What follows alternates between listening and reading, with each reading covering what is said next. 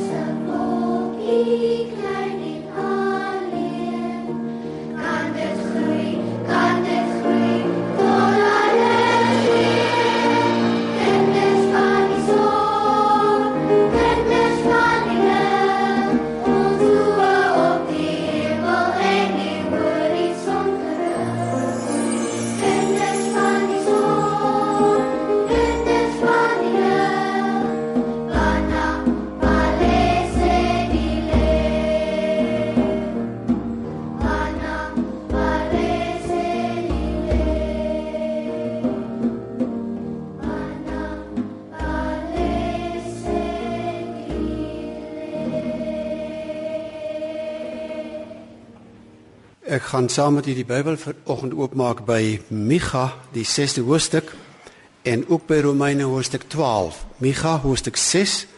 As u dalk die Bybel by u het, ook daar waar u vir ons ingeskakel is, is dit bladsy 965 in die Ou Testament natuurlik en Romeine hoofstuk 12 is op bladsy 210 in die Nuwe Testament. 211. Voordat ons dit saam lees uit Micha hoofstuk 6 en Romeine hoofstuk 12, kom ons buig ons hoofde en ons bid saam. Ons Vader, ons het aan U ons loflied gebring want U is goed en aan U goedheid is daar geen einde nie. Ons het U aanbid saam met hierdie klomp pragtige seuns en dogters. Ons het U lief, Here, want U het ons eerste lief gehad. En dankie dat U vir ons so goed is dat U vir ons 'n Bybel gegee het in ons eie taal en dat ons dit vanmôre kan oopmaak. Wil U dit stil maak in ons gedagtes, U wat elkeen van ons se omstandighede ken en wat weet waar ons sit en luister en in watter gemoedstoestand ons sit en luister ook hier in hierdie gebou. Maak ons harte en ons ore en ons gedagtes oop vir dit wat u graag vir ons wil sê. Dankie dat u 'n Vader is wat met u kinders praat deur u gees, deur u woord, deur ons broers en susters, deur omstandighede. Ons bid dat dit ook vanmôre sal gebeur. In die naam van Jesus Christus bid ons dit. Amen. Micha die 6de hoofstuk ek lees vanaf die 6de vers. Micha hoofstuk 6 vers 6 tot 9. Wat sal ek saamvat as ek na die Here toe gaan? As ek voor die hoë God gaan kniel? Moet ek met offers na hom toe gaan met jaaroud kalwers? Sal die Here duisende ramme aanvaar saam met 10000de offers van olie? Moet ek my eersgeborene offer vir my sonde, hom wat uit my liggaam kom vir my oortreding? Mens Die Here het jou bekend gemaak wat goed is. Hy vra van jou dat jy reg sal laat geskied, dat jy liefde en trou sal bewys en dat jy bedagsaam sal lewe voor jou God. Om die Here te dien, dit is wysheid. Ek lees weer vers 8. Mens, die Here het jou bekend gemaak wat goed is. Hy vra van jou dat jy reg sal laat geskied en dat jy liefde en trou sal bewys dat jy bedagsaam sal lewe voor jou God. Romeine hoofstuk 12. Ek lees die eerste 2 verse van hierdie bekende hoofstuk. En nou doen ek 'n beroep op julle broers op grond van die groot ontferminge van God. Gee julleself aan God as lewende en heilige offers wat vir hom aanneemlik is. Dit is die wesenlike van julle godsdiens wat julle moet beoefen. Julle moenie aan hierdie sondige wêreld gelyk word nie, maar laat God julle verander deur julle denke te vernuwe en dan sal julle ook kan onderskei wat die wil van God is, wat vir hom goed en aanneemlik en volmaak is. Uit hierdie twee skrifgedeeltes vanmôre die verkondiging van die woord. Vergun my twee opmerkings by wyse van inleiding. Die een is 'n anekdote uit my eie lewe en die ander is 'n opmerking wat direk tot die teks aanleiding gaan gee. Die van die wat ouer is sal dalk onthou dat in die 80er jare het ons die gelofte diens lewend op televisie uitgesaai uit die monument. Die eerste ene is in 1985 uitgesaai, dit Johan Symington gelei en die tweede een die 1986 een was my beurt en ek het oor hierdie teks uit Micha gepreek. Ek het so goed as moontlik navorsing gedoen oor die teks. Ek onthou nog hoe ek 'n wonderlike gesprek met my Ou Testamentiese kollega, wyle professor Rempi Springsloeg gehad oor die verstaan van die teks om nou in die publiek op televisie lewend tog so verantwoordelik as moontlik die teks ter sprake te bring. 3 dae na daai diens het my telefoon nooit opgehou met lui nie. 'n Groep in die land, ek dink dit was onder leiding van 'n groep dames, het dit hulle taak gemaak om vir my 3 dae lank letterlik ook met die dood te dreig. Een sê vir my, "Toe jy die teks begine lees, dis nou Micha 6 vers 8, Mens, wat vra die Here van jou anders as om reg te doen, om liefde en trou te betrag en om bedagsaam voor jou God te lewe? Sê sê toe jy die teks beginne lees het ek geweet jy is 'n regeringsagent. Sy het nog die naam van die destydse eerste minister genoem. Nou hoe jy die teks soos hy wou lees, weet ek nie, maar daarvan is ek beskuldig. En nou waag ek na 30 jaar my weer aan die teks. Wat gaan volg na die diens, dit weet ek nou nie, maar ek is oortuig dat ek dit moet doen. As dit u is wat my bel, sê tog net u naam asseblief. Die tweede opmerking is dat dit in my lewe nogal vir my oor jare heen belangriker geword het om die vraag te probeer antwoord. Hoe sê mens dankie vir genade? Hoe sê jy dankie? Soos 'n kommentator skrywe, hoe kom jy uit die ritme van verdienste en vergelding? Sit dit in ons DNA as mense dat ons dink ons moet God se guns verdien. En dat God dan iets aan ons verskuldig is. Want die van die wat Romeine goed ken, Die sal ons nou weet dat Romeine 11 die direk voorafgaande teks presies so eindig. Wie bewys hom 'n guns sodat hy verplig is om iets terug te doen uit hom, deur hom, tot hom is alle dinge. Hoe kom 'n mens uit hierdie groef uit dat godsdiens pligplegings is? Goed wat jy moet doen. So moeilik is dit dat ek amper nie weet hoe om die boodskap van hierdie teks in 'n sinnetjie saam te vat nie. Toe ek jonger was, sou ek waarskynlik gesê het dat dit gaan in Romeine 12 vers 1 en verder oor die opdrag om gehoorsaam te wees. Ek kry dit nie meer heeltemal so gesê nie omdat ek oortuig geraak het dat dit te oop is vir misverstand. Gehoorsaamheid word maklik nuwe wettiese pligplegings.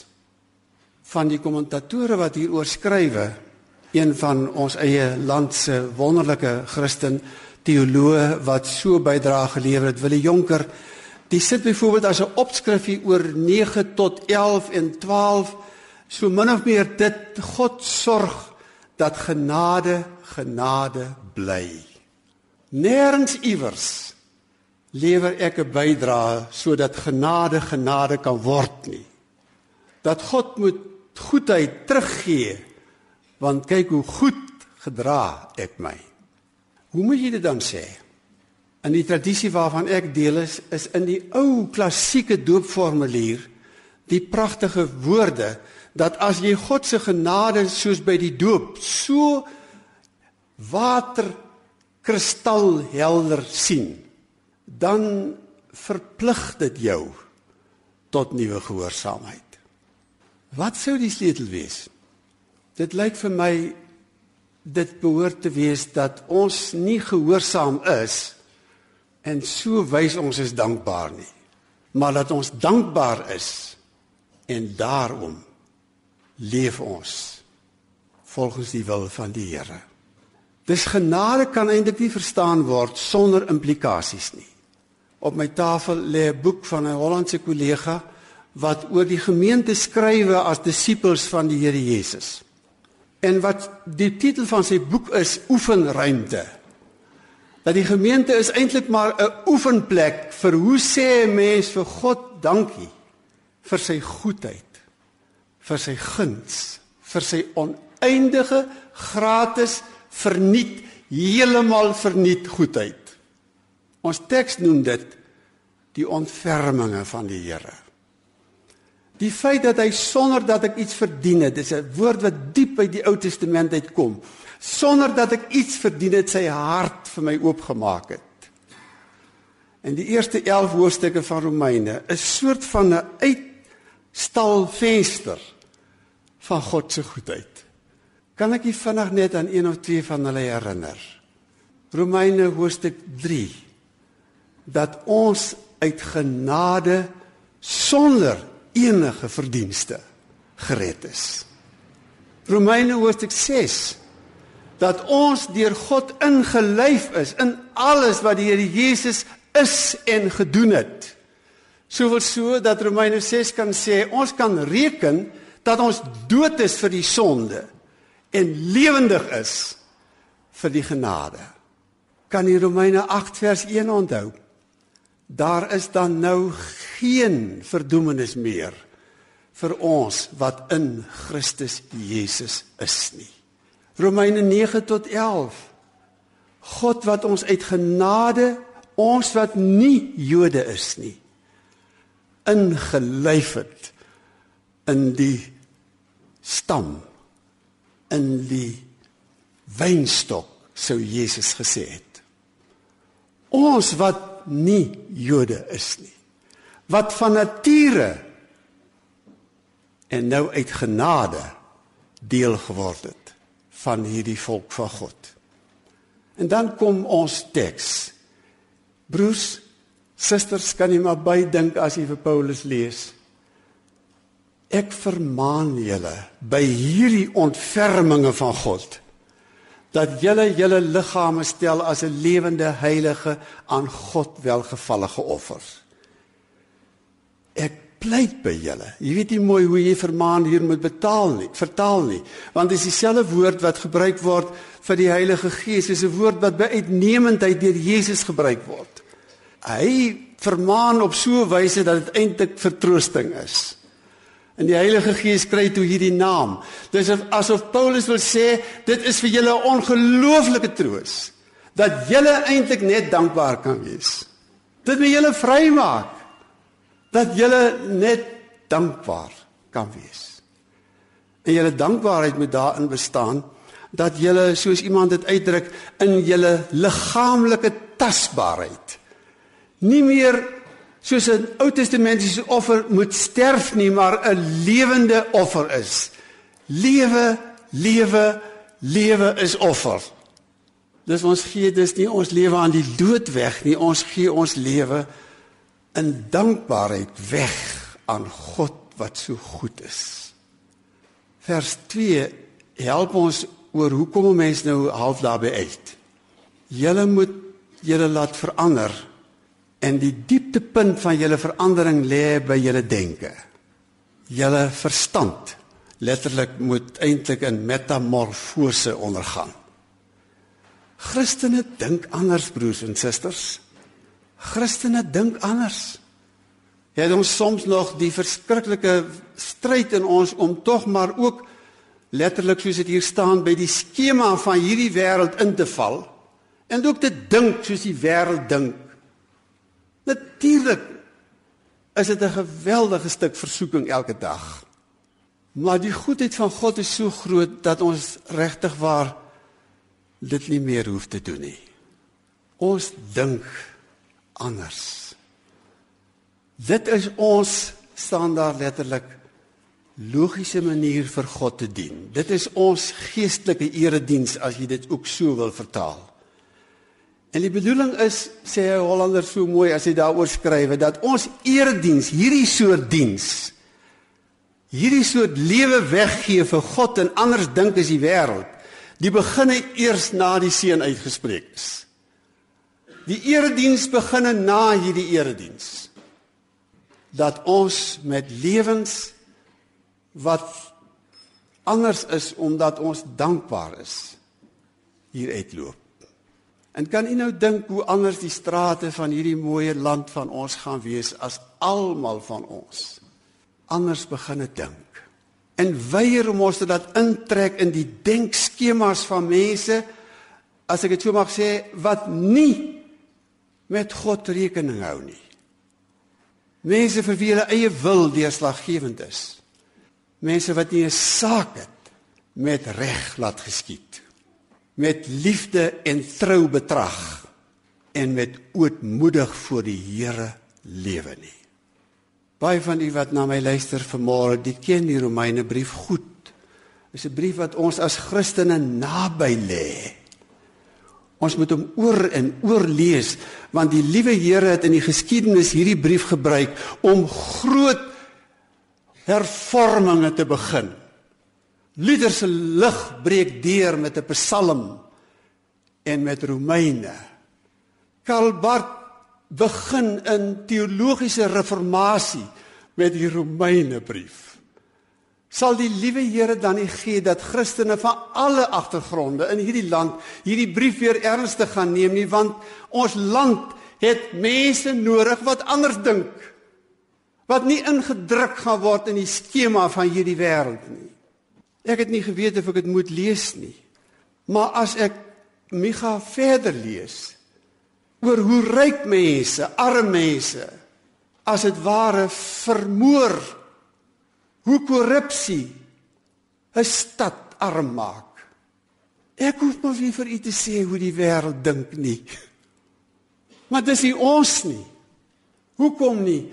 Vanweë die ontferminge van God. Nie omdat ons met 'n nuwe stuk wettiese gehoorsaamheid Suid-Afrika wil verander nie. Maar omdat ons net nie kan anders nie. Ons is lewende, heilige, God welgevallige offers.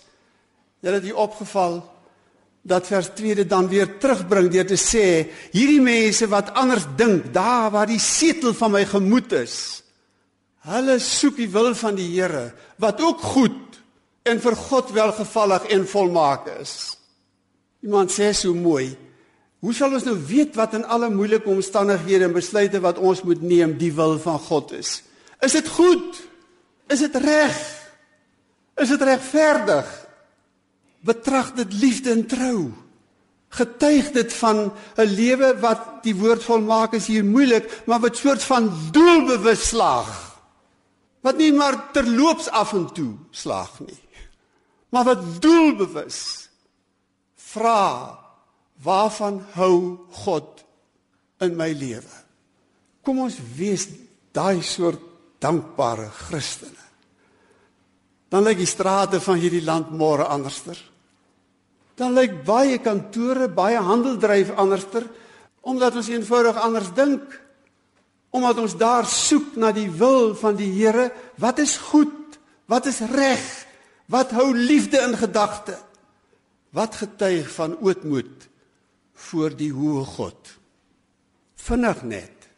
As Paulus dit nou uitwerk, dis die eerste ding wat hierdie dankbaarheid tot uitdrukking kom is Gebruik daai gawes wat die Here vir jou gegee het. Maak nie saak waar jy is nie. Gebruik dit tot die eer van sy naam en die diens aan mense. En hoe vreemd dit nou ook al vir ons mag klink want ons het nou na 1994 mos nou eintlik so bietjie vir Romeine 13 uit die Bybel uitgeskeur. Help die regering om ook reg te soek. Lees maar weer 'n slag Romeine 13. En lees hom 'n bietjie anders as wat hy vir my as jong dominee gelees het. My broertjie, die Bybel sê jy moet aan die owerheid gehoorsaam wees. Die konteks is doodgewoon. Help hulle wat reg en geregtigheid moet soek en doen. Help hulle om dit te doen. Moenie jy dan in die skema van hierdie wêreld en soms van leiers vasgevang word en ook maar met onreg besig is nie en wet in eie hande neem nie. En dan gaan Romeine voort deur net na die owerheid weer 'n keer terug te keer na die liefde toe. Die hele wet word in een woord saamgevat. Julle moet mekaar lief hê. Al die gebooie.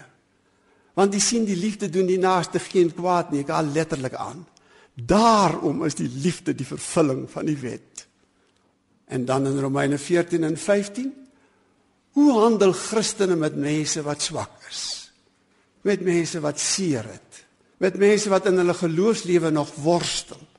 Hoe omhels ons mekaar op hierdie pad van 'n soort van 'n mag ek dit vir 'n oomblik noem 'n korporatiewe getuienis as Christene in hierdie land dat ons op grond van die ontferminge van God ons lewens weggee vir God vir mekaar vir die wêreld aan wie hy ons geskenk het as sy ligdraers. En daarom laat ons ons verstand vernuwe. Ons wat hier in Stellastraat bly is gelukkig om in 'n gemeente te wees waar ons gehelp word om altyd weer te dink en nuut te dink en aanhoudend te dink oor wat is nou die wil van die Here? Wat is vir hom goed? Waarvan hou hy? Wat is vir hom welgevallig? En wat is doelbewus gerig op maak nie saak wat die prys gaan wees nie. Die uitvoering van daai wil. Hoe sê 'n mens nou dankie? Gaan jy 'n lysie maak van al die goed wat jy nou weer in soort van wettiese gehoorsaamheid wil doen, want dan sal ek daarom die Here kan beïndruk en hom gelukkig maak? Of gaan jy ontspan? God het alles gedoen, alles. Ek kan net dankie sê. En my dankie is Here, ek behoort aan U. Paulus sê dit ook 'n bietjie later. Of ons dan lewe en of ons sterwe, ons behoort aan die Here. Amen. Hemelse Vader, ons is 'n bietjie skaam dat ons wat van kleins af al hierdie goedheid van U kon leer ontdek by pappa en mamma by kategete, by ons dominees, by ouderlinge, die jakens, by mede-Christene in eredienste en by die kantore van ons land. Ons wat vir jaar lank weet die Here is goed. Dat daar so dikwels by ons so min is wat verander het. En dat ons eintlik maar nog dink oor hoe ons vir U moet beïndruk. Maak van ons Christene in hierdie gemeente en Christene in hierdie wêreld wat uit dankbaarheid ons lewens weggee vir u vir mekaar vir die kantore waar ons werk vir die beroepe wat ons oefen vir die skole waarin ons leer vir die universiteite waarin ons studeer wat ons lewe weggee in diens aan u en aan mekaar en aan die wêreld. Ag Here leer ons anders dink. Dink vanmôre aan mense wat swaar kry om nie te dink omdat hulle omstandighede moeilik is, hulle het hulle werk verloor of is siek of is diep bedroef deur die hartseer van die lewe. Jy ken al die goed wat dit vir ons moeilik maak om anders te dink as die wêreld. Maar ons wil vanmôre vir u vra, o Gees van God, leer ons elke dag nuut dink en doen en leef. Leer ons om die reg na te jag. Om liefde en trou te betrag en ootmoedig voor U o God te lewe. Amen. Die koor gaan 'n pragtige lied sing, haleluja. En net daarna gaan ons sing lied 200. Die van die wat ouer is sal onthou dat in die ou liedboek was dit gesang 12 Ek het met hom kon groot word aan die huisgodsdiensttafel. O goedheid God hier nooit vol prese. Hy het pragtige nuwe woorde net na die koor haleluja gesing het, gaan die gemeente antwoord met lied 203 van sy strofes. genade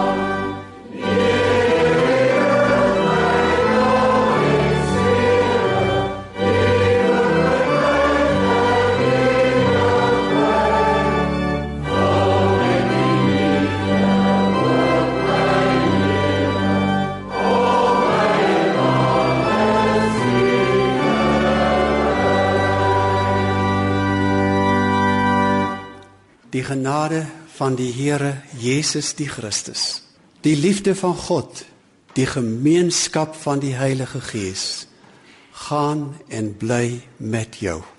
Thank you.